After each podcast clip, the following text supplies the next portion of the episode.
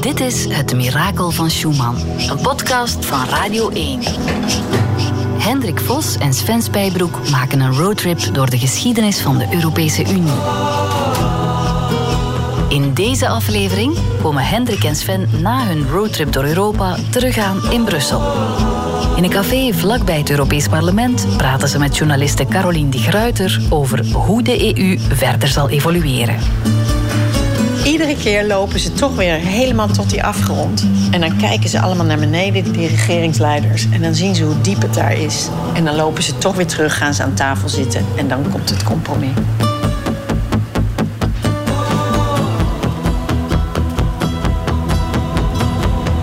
Oké, Hendrik, uh, quizje. Data uit de Europese geschiedenis. Ah, ik krijg stress. Zet je er klaar voor? Amper. Het verdrag van Rome? Plechtig ondertekend 25 maart 1957 en in werking getreden in 1958. Ja, klopt helemaal. De toetreding van Denemarken? 1973. Uh, samen met de Britten en de Ieren. 1 januari 1973. Oké, okay, niet slecht. Uh, de invoering van het gemeenschappelijk landbouwbeleid. Na de conferentie van Streza. De conferentie van Streza was in 1959, 1960. Dus dat moet geweest zijn 1961. Bijna. 1962? 1962. Ja. 30 juli 1962. Het verdrag van Maastricht? Onderhandeld in 1991, plechtig ondertekend in februari 1992 en in werking getreden in november 1993. Hoeveelste februari? 4 februari. 7. 7. Ah. Nou, niet slecht. Niet slecht. Ja, toch wel. Ja, toch wel. Ja, ja, ah, verdorie, ik vind het niet goed. Spanje en Portugal toegetreden op 1 januari 1986. Goed zo. De top van Bremen? Oeh, daar uh, werd beslist om het Europees Monetair Stelsel echt op de rails te zetten. Dat was jaren 70, dat moet 1978 geweest zijn. Oh, zeg maar, maar jij weet wel veel van Europa, hè? Ja, dat is mijn job, hè. De voorbije maanden zijn we heel Europa doorgetrokken. Van noord naar zuid, van oost naar west. In totaal 25.000 kilometer. We zijn in Bosnië geweest, in Griekenland, Duitsland, Frankrijk, Noord-Ierland. Met maar één doel: uit te zoeken wat is nu echt het mirakel van Schumann. Voilà. Hier zijn we nu, terug bij ons vertrekpunt. Het Schumannplein in Hartje Brussel. Dan valt het even grijs. Ja. Even druk. Ja. Even vuil. En wij ook ouder en wijzer. Hè? Ja, straks misschien hier het Sint-Schumannplein. Maar we hebben nog één adresje te doen. Hè? Ja. Hier vlak in de buurt. Barginet. Ja, op Plas Luxembourg. Plas Lux in het uh, Europa-jargon. Dat is zo'n beetje het uh, uitgaanscentrum. Waar zeker op donderdagavond eurocraten samenkomen. En Europarlementsleden, stagiairs. En enfin, alles en iedereen loopt daar rond. Als je wil netwerken, als je ja, iemand wil binnen doen, dan, dan, dan, moet je daar zijn. en daar hebben we afgesproken met Caroline de Gruiter, hè? Ja, Nederlandse journaliste, columniste, schrijfster. En die kent Europa echt wel heel goed. En die ook veel gereisd heeft, die helemaal in de Europa-wereld zit. Ja, dus de, de Nederlandse Hendrik Vos, zeg maar. ja, toch? Mag ik daar nu op zeggen? maar ja. In Barginet zit Caroline ons al op te wachten. En Hendrik heeft, zoals altijd, een prachtige openingszin verzonnen. Ben jij ooit in Spijkenisse geweest? Nee. Jij bent Nederlands, hè? Nee, ik ben nooit in Spijkenisse geweest. Houden we zo. Echt waar, houden we zo. Misschien wel, maar dan weet ik het niet meer. Sven en ik zijn opgestaan om, ik denk, vijf uur, ja, half zes, ochtends, om naar Spijkenisse te gaan. Ja. In Spijkenisse ja, wie gaat het nu zeggen, Sven? Er staan replica's van de bruggen die op de Europese biljetten staan. Oh ja? Die namaak. Oh, dat heb Als je zou vragen, Hendrik, wat is het knulligste wat we zijn tegengekomen op onze lange reis? Dat, dat jij Met voorsprong. de bruggen van Spijken. Oh, daar ga ik ook eens een keer naartoe. Dat wil ik wel zien. Hoe lang volg je het hele Europese circus al? Sinds 1999. Toen ze begon te schrijven over Europa, begreep ze daar helemaal niets van. In Nederland leer je niks over Europa op school. En wat je hoort is dat het een markt is en verder helemaal niks. Het is een gevoel dat ik ken toen ik Europa begon te bestuderen. Ik snapte daar zelf ook niet veel van. Dat was voor mij echt Alice in Wonderland hoor. ja, pas na een jaar begon ik het ook een beetje leuk te vinden. Als je dan begon, had je, had je dan een positief beeld van Europa? Of een negatief? Of helemaal geen beeld? Of... Uh, niks. Niks, geen Niks, idee. Waar je zou blanco. terechtkomen. Ja. Blanco, ja. En nu, twintig jaar later? Ja, heb ik wel wat meer beeld, ja. het is uitgevonden om te zorgen dat we niet meer met eh, munitie zouden schieten. Zoals we vroeger altijd deden, hè? met al die landjes en, en naties en, en, en, en groeperingen die, ja, die altijd wat anders willen. Op, op een gegeven moment krijgen ze zo ruzie dat ze gaan schieten.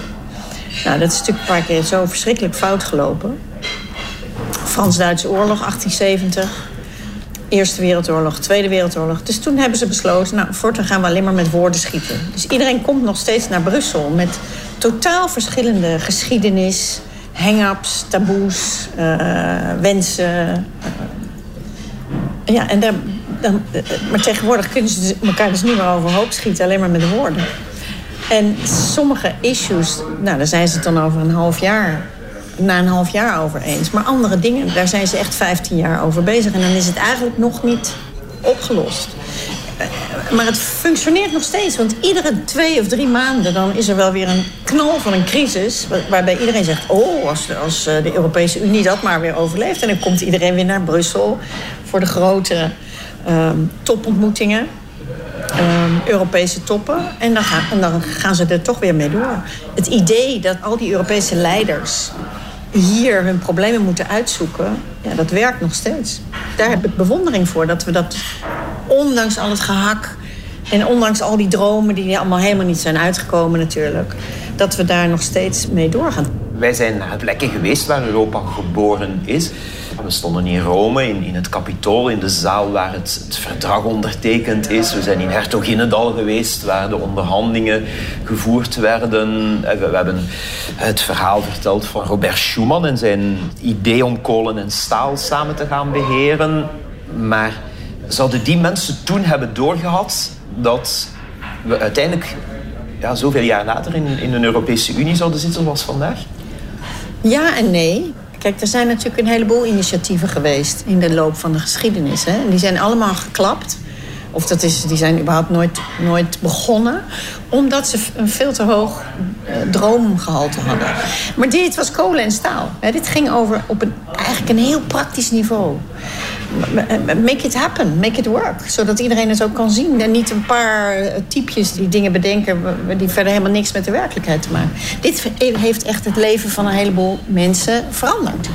Dus ik denk in dat opzicht is dit min of meer wat de founding fathers eh, wel voor ogen hebben gehad. Het was een economisch clubje.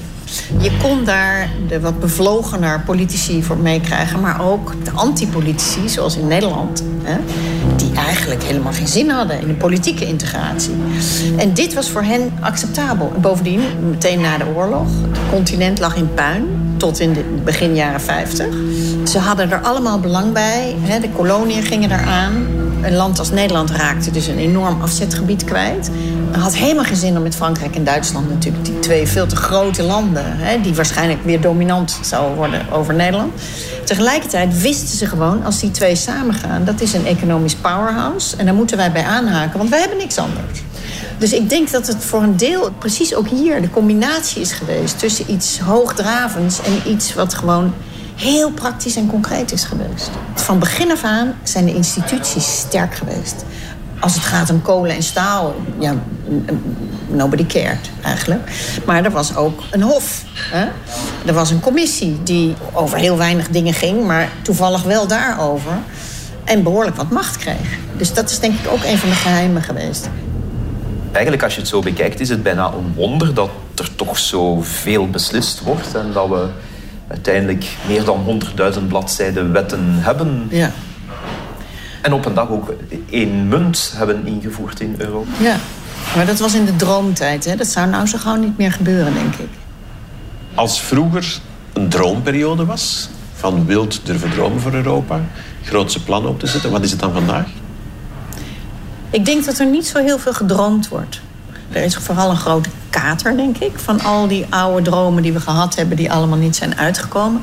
Tegelijkertijd zie je toch ook dat er iets van realisme aan het komen is in de manier waarop mensen naar Europa kijken. Als je droomt van iets prachtigs wat we met Europa gaan doen. Nou, je ziet dus de 27 landen en die onderhandelen de hell out of each other. En het is allemaal niet mooi en fraai en je eindigt met een gedrocht. Nou, het werkt natuurlijk, want ze hebben zo lang vergaderd... dat iedereen houdt zich wel aan dat gedrocht. Dat is het goede. De Britten die hebben geprobeerd in te breken. Ik wilde dit niet, die wilde dat niet, die wilde shortcuts... die wilde uh, special deal, weet ik veel wat. hebben ze allemaal niet gekregen. Want die gedrochten, iedereen heeft ernaar gekeken, de 27... en die zeiden, ja, maar hier hebben we zo verschrikkelijk moeizaam en lang over onderhandeld. Jeetje, wat een stuitbevalling was dit. Gaan we niet nog een keer doen. Hoe moeilijker ze gesloten worden, hoe beter iedereen zich er ook aan houdt. Want niemand wil in godsnaam dat het weer opnieuw begint. Hè? Dus als je altijd te veel verwacht, kom je altijd bedrogen uit. Ben je altijd teleurgesteld. Om dat te zien en ook op waarde te schatten, te accepteren dat het zo gaat, heb je realisme nodig. En ik denk dat we nu in een fase zitten van veel meer realisme. Hè? De wereld om ons heen verandert als gek. Er zijn een aantal machten die helemaal niet meer aardig doen tegen ons en die ons zelfs onderuit proberen te halen om Rusland en China niet met naam te doen. Maar ook de Amerikanen die, hebben, die rammen ook allerlei sancties op ons af. Turkije met zijn uh, militaire activiteiten in de hele Middellandse Zee en uh, cyberaanslagen. Dus zo langzamerhand komt iedereen ook wel nu in een fase van ja, we worden met z'n allen bedreigd. Ja. Dus daar moeten we met z'n allen een soort antwoord op zien te formuleren. En dit is dus een terrein waarop we eigenlijk gewoon helemaal geen Europa hebben. Dus laten we daar dan nu maar aan gaan werken. En zo hobbelen wij altijd achter de feiten aan. Europa is altijd reactief. Bedoelt u dat er dan een Europees leger zou moeten komen? Dat is wat sommige mensen willen. Ik weet niet of we dat ooit gaan krijgen. Maar ook daarin moet je denk ik realistisch zijn. Waar we naartoe moeten is dat je toch al die nationale legers die kunnen nu helemaal niet samenwerken. Hè? Want de een heeft een tank met driehoekige schroefjes. Ik noem maar wat hoor, ik weet er niks van. En de ander heeft een tank met ronde schroefjes. Ze gebruiken andere communicatiesystemen, uh, luchtafweergeschut, weet ik het. Al die dingen zijn nu nationaal. Als je die beter op elkaar afstemt, nou, dan kan je dus elkaar gaan helpen zien. Ook daar moeten we denk ik weer heel pragmatisch in zijn. Maar het is een ander Europa dan we twintig jaar geleden hadden. Hè, toen we de grote stappen zetten. Met onze kop in de wolken denken dat alles nu zou gaan. Hè. Het communisme was weggesmolten. Iedereen zou nu een beetje worden zoals wij. Dus we hebben die dekking niet nodig. Ja, dit is nu de fase waarin we aan de dekking moeten gaan werken. Zelfs aan een soort economisch protectionisme. Om te zorgen dat onze strategische bedrijven en havens en infrastructuur niet stilletjes worden opgekocht door een Chinese staatsbedrijf of zo.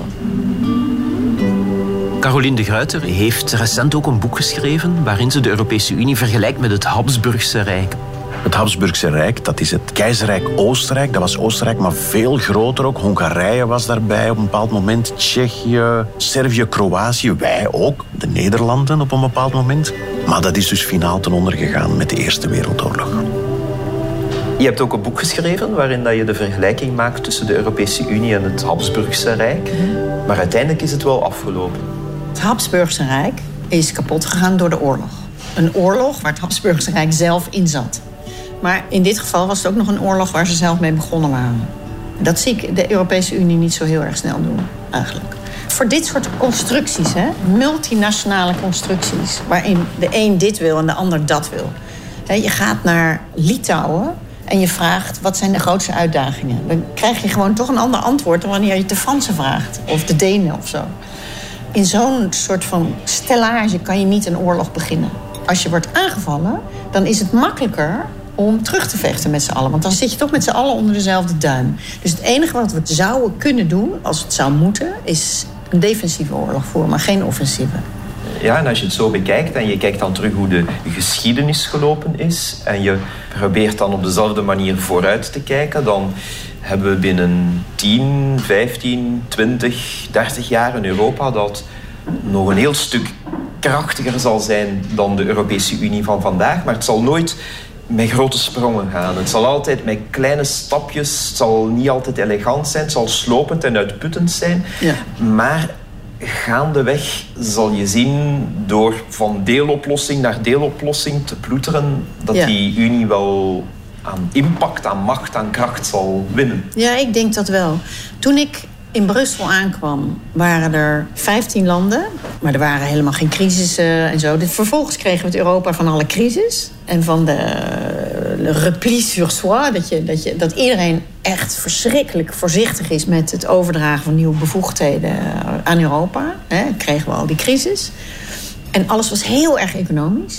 Ik heb hier vijf jaar tijdens de eurocrisis uh, alleen maar over staatsschuld en, uh, en ook die andere opvatting van schuld geschreven. Want dat was natuurlijk het grote probleem. Schuld. En nu is dat eigenlijk gewoon nauwelijks meer een thema. En zelfs landen die toen heel streng waren, die staan daar toch anders in, zoals Duitsland. Nu gaat het heel erg over l'Europe qui protège. Uh, dus niet meer alleen maar over diversiteit, maar ook heel erg over bescherming. Hè? Want we worden aangevallen van alle kanten. Uh, we willen de grenzen dichtgooien. Althans, een heleboel willen zo langzamerhand toch wel de grenzen dichtgooien. Uh, vanwege migratie, maar ook vanwege terrorisme enzovoort. Dus we gaan ineens focussen op hele andere zaken... waar eigenlijk nauwelijks Europa is, maar waar we het nu nodig hebben. We ontwikkelen ons niet zo... Niet in de rechte lijn, maar Niet in, in de rechte lijn, maar in bochten. Ja. En nu gaat Europa heel erg over geld. En dan gaat Europa heel erg over bescherming. Maar het kan ook best zijn dat er een aantal dingen dan ook gaan afbrokkelen. Zoals handel.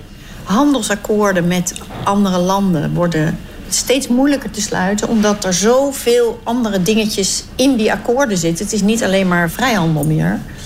Of het inperken van importtarieven en zo. Maar er zit ook milieu in, er zit mensenrechten vereisten in. Heel erg veel dingen waar landen, waar nationale lidstaten over gaan. Dat het bijna onmogelijk wordt om daar nog met één stem te spreken. Of het is nog wel mogelijk, maar het wordt ontzettend moeilijk de laatste tijd. Dus het kan best zijn dat waar we aan de ene kant winnen, we aan de andere kant wat verliezen. We zitten ook in een hele moeilijke crisis over de rechtsstaat. En niemand gaat Polen daaruit trappen of Hongarije daaruit trappen. We spraken met een Hongaarse transpersoon die heel ontgoocheld was in Europa. Begrijp je dat? Ja, dat begrijp ik heel goed. Want in principe had een Hongaarse trans... moet in Hongarije, net als elders in de EU... behandeld worden als ieder ander mens. Dat is dus niet het geval. In Hongarije wordt hij gediscrimineerd. En je zou je dan op Europese regels moeten kunnen beroepen... Behalve dat die dus niet werken, omdat de Hongaarse regering zegt... Uh, ga de boom maar in met die regels. Maar zeg jij dan van, dit is het begin van het uiteenvallen van de Europese Unie... dit kan alleen maar slechter aflopen en radicaler en... We kunnen een land als Hongarije om dit soort issues niet uitzetten tegen zijn wil. Hongarije zit daar goed. Hè? Ze verdienen uh, zich een slag in de ronde. Ze krijgen dus subsidies, ze, ze zitten subsidies. in de interne markt, ja. bedrijven kunnen overal ah, ja. actief zijn. Ja. Als ze erin blijven, wat we kunnen doen, is uh, hen korten op bepaalde fondsen. Zoals op dat herstelfonds, dat corona-herstelfonds. Dat gebeurt nu. Als uh, uitspraken van het Europese Hof in de wind slaan, onder andere over LGBT-rechten. Ja, als ze zich daar niet aan houden, dan komt er een dwangsom. En in die fase zitten we nu ook. En als ze die dwangsom niet betalen, nou, dan houden we het gewoon in op hun uh, landbouwgelden of hun structuurfondsen. Dat zijn we nu aan het doen. Hebben we nog nooit eerder gedaan hè, in de geschiedenis. Hoe zou België het vinden als Hongarije ineens samen met een aantal andere lidstaten zou besluiten: wat hier gebeurt in België, vinden wij niet goed. Wij interpreteren de Europese regels anders. Wij sturen het leger er even op af. Hoe zou België dat vinden? Landen zijn ongelooflijk terughoudend met elkaar op de vingers tikken. Laat staan, op hun kop slaan. Hoe kunnen wij zorgen dat er een nieuwe regering komt in Hongarije? Kunnen wij niet. Mensen zullen toch zelf hun eigen nieuwe leiderschap moeten kiezen. Op een dag zullen ze dat ook doen natuurlijk. Europa is een soort processie van echternacht. Twee stappen vooruit, één stap achteruit. Caroline noemt het soms stumbling forward dat stumbling forward. Hè. Maar het is niet echt een sexy beeld. Hè. Ik zie hier aan het Berlaymont-gebouw in Brussel geen spandoeken hangen. We're stumbling forward into the future. Nee. Het, het, je hebt zo geen visionaire droom. Het is heel onsexy om dat verkocht te krijgen. Ja, maar Europa om... is onsexy in dat opzicht. En dat is maar goed ook. Want als je een prachtige droom hebt... een heleboel mensen dromen van iets heel anders. Je komt daar gewoon niet ver mee. Dan zou je over de andere helft van Europa heen moeten walsen om jouw droom. Ja. Dat hebben we eerder gezien in de geschiedenis. Dat willen we dus Precies. niet. Dus in dit Europa, en dat is ook heel duidelijk afgesproken na de Tweede Wereldoorlog, dat we vanaf nu met compromissen gaan. We hebben een aantal principes. Hè, waar we geen compromissen over sluiten. Daarom proberen we dus ook de mensenrechten, toch, de, mensenrechten ja. de waarden.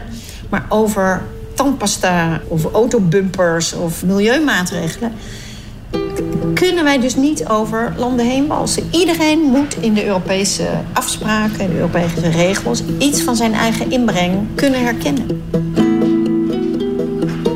Het zijn toch de nationale politici die hier in Brussel met de kop tegen elkaar gaan en de compromissen maken. Soms duurt het zes maanden, soms duurt het vijftien jaar. Maar dan gaan ze naar huis en dan zeggen ze: Brussel heeft dat en dat over ons besloten. Omdat ze dan niet hoeven uit te leggen wat voor concessies ze hebben gedaan.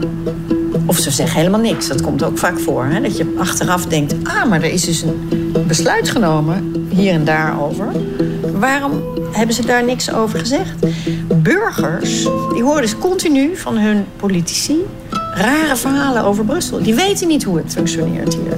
Dus voor hen is het ook heel moeilijk om die realistische blik te krijgen. Hè? You give some, you take some. Zo werkt het hier altijd. Het is heel moeilijk om dat te zien. En het zou heel fijn zijn als dat eens een keer een beetje ging veranderen. Dat regeringsleiders gewoon toegeven van... dit is een besluit waar ik mijn handtekening onder heb gezet. En dit heb ik erin gezet. En dat komt ook van ons. En ik heb ook aan onze boeren gedacht. En onze, uh, weet ik veel, uh, audiovisuele industrie of zo. En ja, je, je, geeft wat en je neemt wat. Dus dit en dat heb ik laten varen. En dat en dat heb ik ook laten varen. Zo werkt het als je compromissen sluit. En alleen als je het zo uitlegt... zullen mensen het ook echt kunnen waarderen voor wat het is. Of begrijpen voor wat het is. Hoe heb jij dat, Sven? Want we zijn nu toch al een, hele tijd samen op stap voor het maken van deze podcast. Ik denk dat jij geen Europa-specialist was toen we aan onze reizen begonnen. Hoe, hoe kijk jij terug op die uh, hele reeks? Is dat ook een gevoel dat bij jou is blijven hangen van het is toch maar een rommelige fabriek? Nee, in tegendeel ik ben ook maar een gewone burger die al die negatieve dingen gehoord heeft. Van Europa beslist dit en dat en komt met belachelijke regeltjes. Of is veel te duur, of, of ja, het duurt veel te lang om te beslissen en zo. Als ik bijvoorbeeld of bij het Europees Hof van Justitie was... of bij het Europees Parlement in Straatsburg... was ik wel onder de indruk van hoe plichtsgetrouw men toch ernstig een poging doet om er iets van te maken. Dat vond ik heel verrassend. Anderzijds dingen als Duinkerken en zo. Het, het, idee dat het echt over mensen gaat. Wat in die torens beslist wordt. En die enorme afstand die er is tot de mensen. Die echt met hun voeten in het leven staan en moeten zien te overleven en er iets van te maken. Het lijkt me ook heel moeilijk voor de mensen die met Europa bezig zijn om constant die reality check te kunnen blijven maken. Dit zijn echt de levens van 450 miljoen mensen die we in onze handen hebben. Ik zie veel mensen die daar heel ja, zorgvuldig en toch plichtsbewust mee omgaan ja. heb ik het gevoel. Maar het is aardsmoeilijk. Ja, het is echt... Ja, het is eh, moeilijk. Ja. Maar wie zei dat het makkelijk was? Maar Precies. ik denk dat het oorlog voeren dat dat nog veel moeilijker is. Toch? Dus is het de moeite om te blijven ploeteren. Ja. En in dat opzicht denk ik ook... Hè, sommige mensen zeggen wel eens van... ah, Europa heeft geen narrative. Hè? Het is allemaal modderig. Geen gezicht, geen verhaal. Geen gezicht, maar Europa heeft wel degelijk een verhaal in mijn ogen. Het is gewoon hetzelfde verhaal als waarmee het begon. Make trade, not war werk samen, word van elkaar afhankelijk, trouw met elkaar, weet ik veel wat. En laten we compromissen blijven maken. Laten we blijven luisteren naar elkaar. Laten we studentenuitwisselingen organiseren. Laten we begrip houden voor elkaar. Want iedereen komt aanvliegen vanuit een ander verhaal. En de enige methode om te zorgen dat het niet militair klapt... en dat het niet weer een economische ravage wordt... is gewoon om door te modderen. Zeg Hendrik, jij wist alles al hè, voor we aan deze reis begonnen? Nee, ik heb ook veel bijgeleerd. Is het echt? Wat dan? Oh. De knulligheid waarmee het soms gebeurde. Eigenlijk als je Europese politiek bestudeert en je leest daar dikke boeken over, dan denk je van, dit was eigenlijk één lijn die wel moest uitkomen bij de Europese Unie van vandaag. Zo, elke stap volgde logisch op de vorige stappen. En dat is niet zo. In Schengen, we hebben daar op de plek gestaan waar de Schengen-overeenkomst getekend werd. En we hebben ook die foto's gezien van toen op die boot. En daar waren ook nauwelijks journalisten. Dat was een geïmproviseerd ja, kajuit, waar, waar dat dan een paar tafels tegen elkaar geschoven stonden. Er waren niet eens ministers bij. Er was niemand van de Europese Commissie. De eerste Schengen-overeenkomst is getekend door staatssecretarissen die hun handtekening zetten van we gaan de grenzen weghalen. En niemand geloofde dat het zou lukken of dat dat ooit iets belangrijks zou worden. Dat je vandaag in de luchthavens overal het bord Schengen zou, zou zien. En, en hoe ja, soms echt als stoemelings de, de dingen uh, in beweging kwamen. Maar uiteindelijk is het wel heel veel geworden. Hè. We hebben die ene markt en die machtige rechters die daar dan over uitspraken kunnen doen. We, we hebben die ene munt. En des te confronterender is als je op van die domeinen botst waar het, waar het niet werkt. Hè. Duinkerken, zo die, die heel schrijnende ja. vaststelling als het gaat over migratie, weten we het niet. En raken we niet verder dan de beslissing van... Goh, laat ons onze buitengrenzen dichttimmeren. En, en ja, dan, dan zie je hoe Europa ook nog in een kramp kan schieten. Maar zelfs daar beweegt het een heel klein beetje. Er wordt nu meer geëxperimenteerd met legale migratie. Langzamerhand beginnen die heilige huisjes een beetje om te vallen. We hebben een groot tekort aan arbeidskrachten in Europa op het moment. Al die dingen spelen mee. Maar helaas hebben we dus weer een soort van tragedie en rampspoed nodig... voordat sommige lidstaten een beetje bewegen. Zeg, vooruitblikken hoeven we niet te doen, hè? Want we weten toch niet welke kant het gaat opgaan. Hè? Nee, niet vooruitblikken. Nee, gewoon realistisch zijn. Dat is de enige blik die je nodig hebt, denk Precies. En dan, dan is het ook leuk. Hm.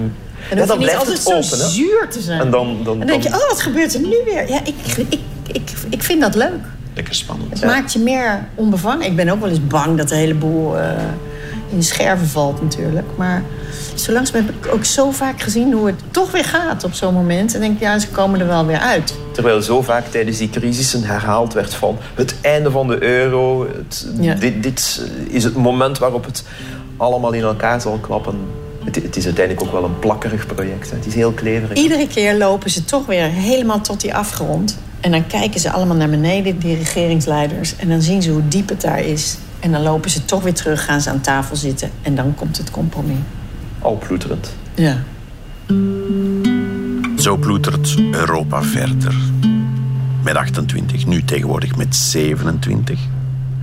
Soms grote ruzies, soms kleine triomfen. We weten niet altijd precies wat we van plan zijn, maar we doen het wel samen. Dat is de afspraak.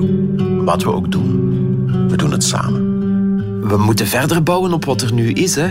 Je kan niet terug.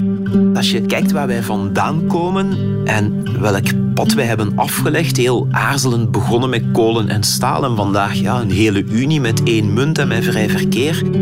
De prijs die we zouden betalen als we dat allemaal zouden ontrafelen, die is gewoon te groot. We gaan dat niet doen.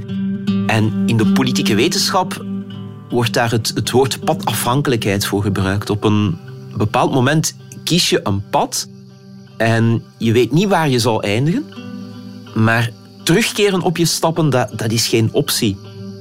En als ik dat aan mijn studenten uitleg, dan probeer ik dat duidelijk te maken door het verhaal te vertellen van de cheetah op de savanne. Een cheetah is een jachtluipaard. En die zit op de savanne en die heeft honger. Een cheetah heeft altijd honger. En op een bepaald moment ziet hij in de verte een kudde antilopen.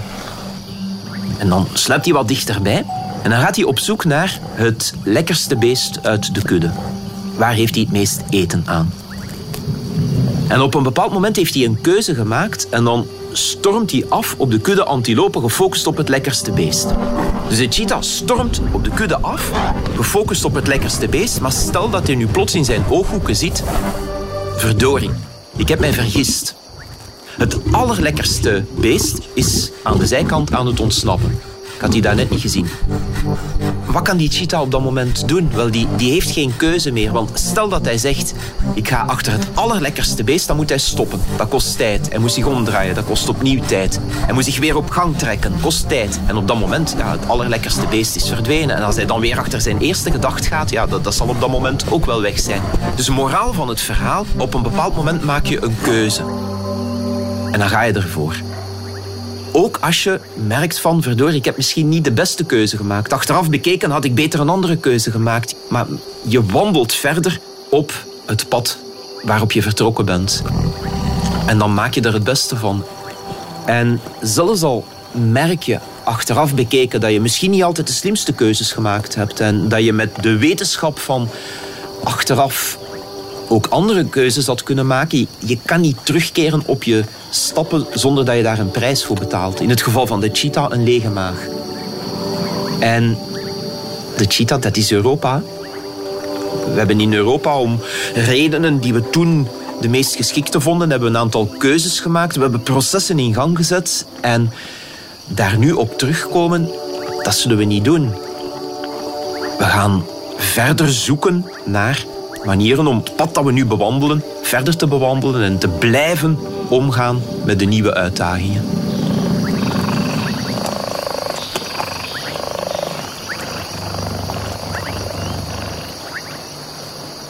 Dit was de laatste aflevering van het Mirakel van Schumann. Een podcast van Radio 1 in samenwerking met het Europees Parlement. Vindt meer van de roadtrip van Sven en Hendrik op radio1.be en in de Radio 1-app. Dit was de laatste episode van het Mirakel van Schumann. Over de stichter van Europa, Hendrik en Sven zijn grote fan. De integratie van elke natie, welke zot komt daar nu mee? Schumann dus, en voor we het wisten, was er al de EEG. Vrede op aarde of toch in Europa. Beethoven zou trots zijn geweest. Zelfs al is het eerlijk, is eerlijk. Ook niet altijd één groot feest. Ruzie, discussies, gezaag en gezever, gemok, gekrakeel en luid gejoel. Maar we slagen toch ten minste niet meer op elkanders smoel. Al die mensen en verhalen, vaak heel mooi en soms ook raar. In die zin lijkt heel Europa wat op Hendrik Vos zijn haar. Hey, nog één ding. Zo'n roadtrip dwars door Europa, dat doe je natuurlijk niet alleen. We moeten nog een paar mensen bedanken en nog geen klein beetje. Fien Reekmans, Hendrik de Smet en Stijn Ombelets voor het concept en de voorbereiding. Joyce de Bats en Ineke van Velzen voor de research. Jana Polet en Robin Bervoets voor alles wat met video en online te maken heeft. Winne Henkens, die hield als producer de boel bij elkaar. Frederik de Klerk, dankjewel voor de prachtige muziek. Joris van Damme voor de mix. En Anne Manteleers voor de grafiek. Wederik de Bakker voor de regie, de opnames en de montage. En natuurlijk ook iedereen die we onderweg gesproken hebben. Dank je wel allemaal om deze geweldige trip voor ons mogelijk te hebben gemaakt.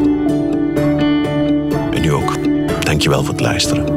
Zou het accident van Hendrik voor het Vaticaan een mirakel zijn, dan staan we God weet wanneer weer samen op het Sint-Schumannplein. Schumann's Miracle. Wil je alles blijven horen, volg dan zeker Radio 1.